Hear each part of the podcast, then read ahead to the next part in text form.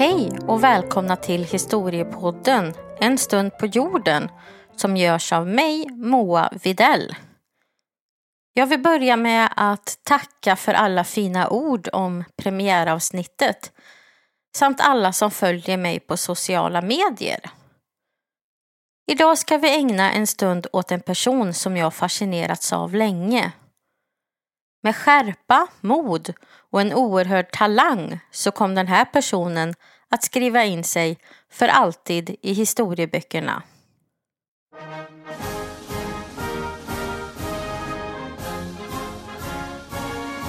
Den 19 augusti 1883 föddes en person som skulle komma att förändra kvinnans situation i världen. Hon stod inte vid barrikaderna och krigade men ändrade på sitt eget sätt kvinnans situation i samhället med kläder som medel.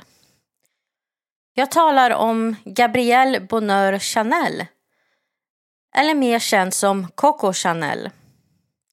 Jag tänker nu berätta om hennes väg till framgång och berömmelse. Hur allting startade och vem hon egentligen var.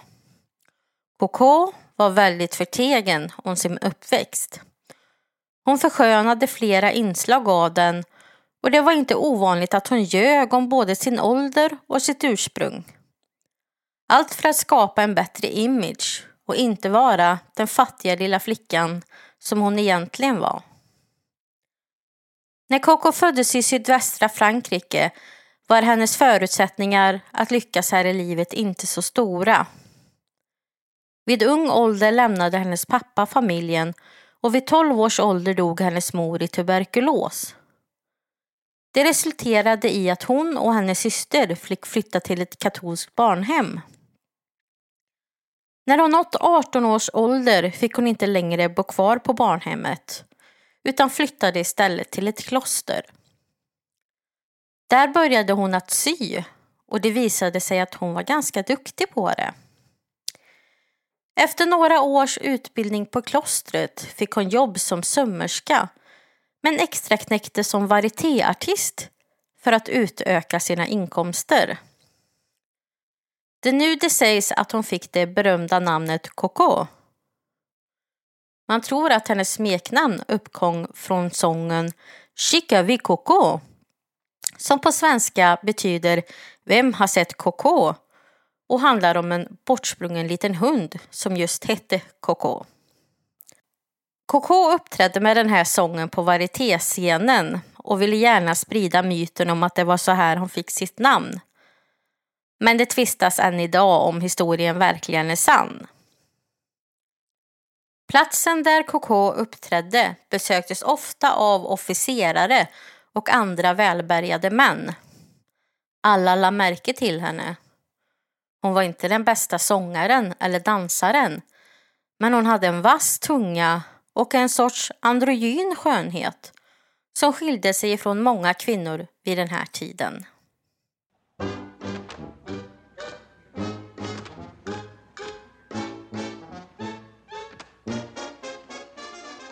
Det var under ett uppträdande som den rika före detta officeraren Etienne Balson fick upp ögonen för Coco, som nu var 23 år.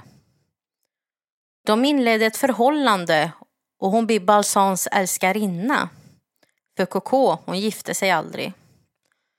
Hon flyttade in i Balsans enorma egendom och bodde där under tre år.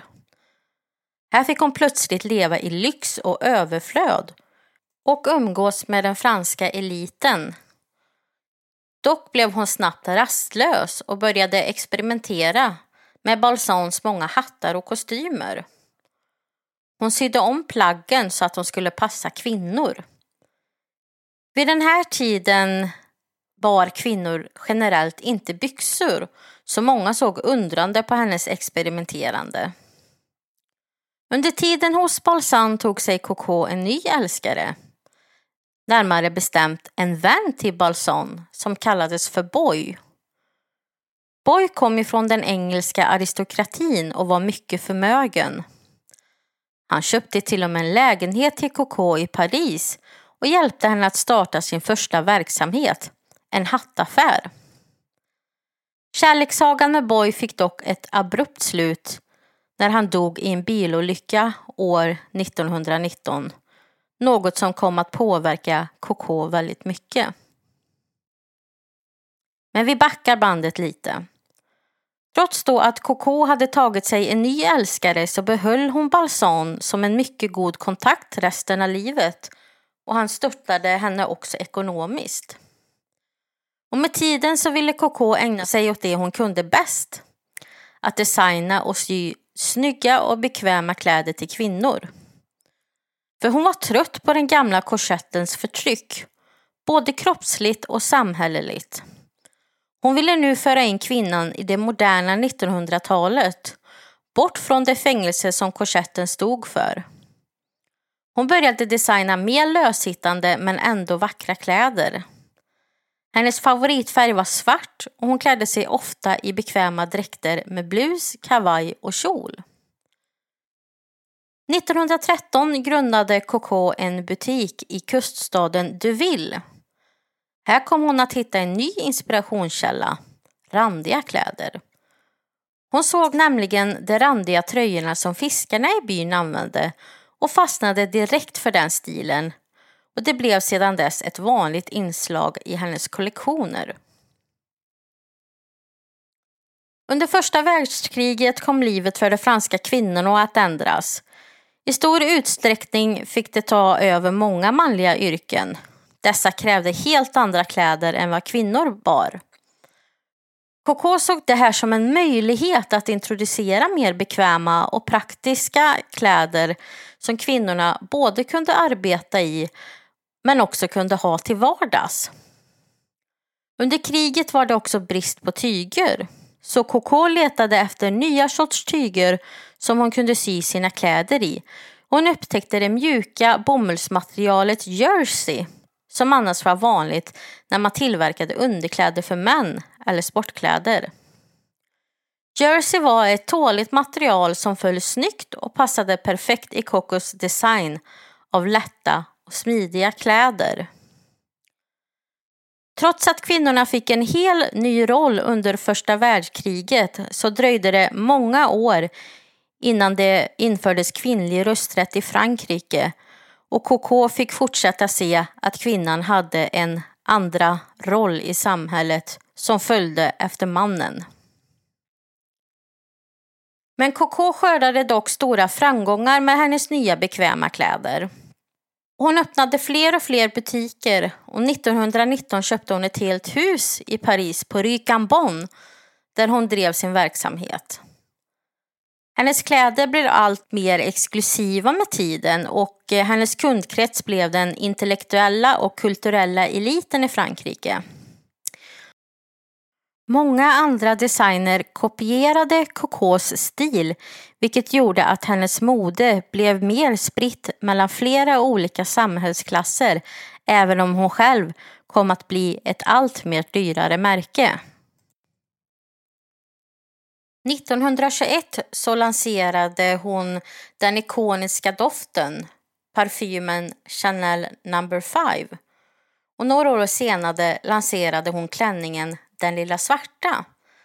En svart och enkel men snyggt skuren klänning som hon ansåg att varje kvinna skulle ha i sin garderob.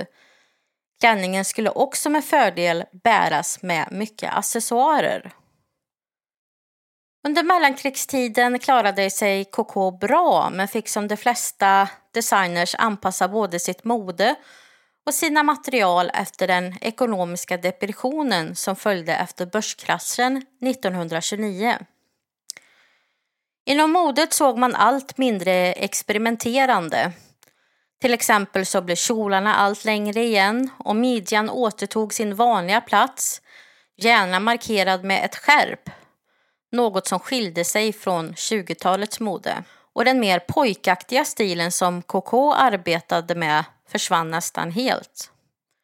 Modet blev funktionellt, något som KK dock alltid eftersträvat, om än i en annan modell. År 1940 ockuperades Paris av Nazityskland. KK tog då ett drastiskt beslut och stängde sitt modehus. Hon flyttade också in på Hotel Ritz i Paris. Hotellet skulle vara hennes fasta punkt ända till hennes död.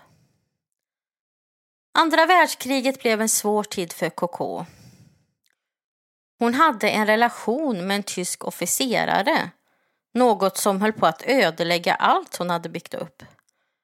Fransmännen såg inte på relationen med blida ögon hon kom aldrig att uppnå samma status i hennes hemland utan hade sin största beundrarkrets i andra länder under resten av sin livstid. KK blev till och med anklagad för att ha samarbetat med nazisterna. Dock så framkom det att det inte var KK som hade samarbetat med dem utan att det i själva verket var Winston Churchill som hade mutat vissa tyskar så att de skulle skydda hertigen av Windsors egendomar. Ni vet, han som abdikerade från Englands tron. KK sägs ha känt till det här vilket gjorde att hon också misstänktes för att själv ha samarbetat med nazisterna. Det blev inte heller bättre på grund av hennes förhållande. Man har senare frikänt henne ifrån dessa anklagelser men många hade fortfarande svårt att ta sig till hennes mode när det fanns en så misstänkt bakgrund. Det här ledde också till att hon efter kriget flydde till Schweiz och bodde där i tio år. Hon kände helt enkelt att klimatet i Frankrike inte var bra för henne och att det fanns stora misstankar mot henne. Men KK arbetade hårt för att upprätta sitt rykte och hon hade långt ifrån gett upp. Efter kriget försökte KK att starta upp sin verksamhet igen men det gick trögt. Men år 1947 inträffade det dock något som fick KK att se rött och reagera. Den kända designern Christian Dior kom med en kollektion som hette The New Look. Här återinförde Dior korsetten och det fick KK att reagera starkt. Skulle kvinnorna åter tillbaka in i sitt fysiska fängelse? Hon skyndade till ritbordet och designade en helt ny kollektion för Chanel som blev väldigt populär och släpptes i början på 50-talet. Här introducerade hon en speciell Chanel-dräkt som blev ikonisk och som omtolkas varje år av Chanels designers.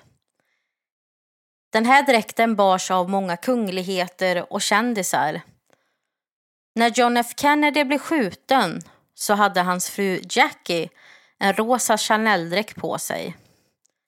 Andra kända kvinnor som bar hennes dräkt var till exempel Brigitte Bardot, Marlene Dietrich och Sofia Loren. Följande år jobbade Coco hårt för att stärka sitt varumärke. Hon släppte flera kollektioner, hon designade smycken, väskor och visade sina kreationer bland annat på film. I hennes modehus i Paris finns en ikonisk trappa med speglar där hon ofta såg sina modeller gå med de senaste kläderna hon hade designat. Via alla speglar kunde hon se hur ett plagg såg ut ifrån alla vinklar. För Coco var en perfektionist och kanske inte alltid helt lätt att arbeta med. Det var hennes visioner och idéer som gällde. Coco var en hårdhudad kvinna som inte brydde sig så mycket om vad alla tyckte. Ibland satte det henne i dåliga situationer. Till exempel som när hennes modehus nästan gick under på grund av hennes kärleksrelation till den tyska officeraren. Och hon var också osams med flera andra modeskapare under sin karriär. Mitt uppe i arbetet med vårkollektionen år 1971 så avled KK på en söndag.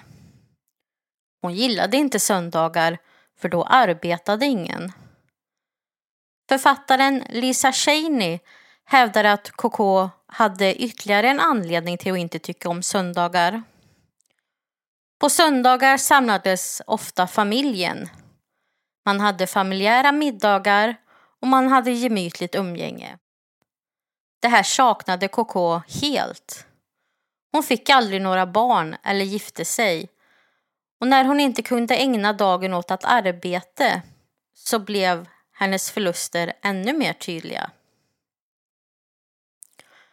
Cocos liv var ingen dans på rosor och hon fick ofta kämpa för sina idéer och fick gång på gång ta sig tillbaka från de motgångar som mötte henne i livet.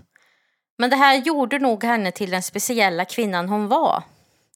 I bekantskapskretsen fann man bland annat Salvador Dalí, Pablo Picasso och Winston Churchill och hon passade in perfekt bland dessa excentriska män trots att hon var kvinna.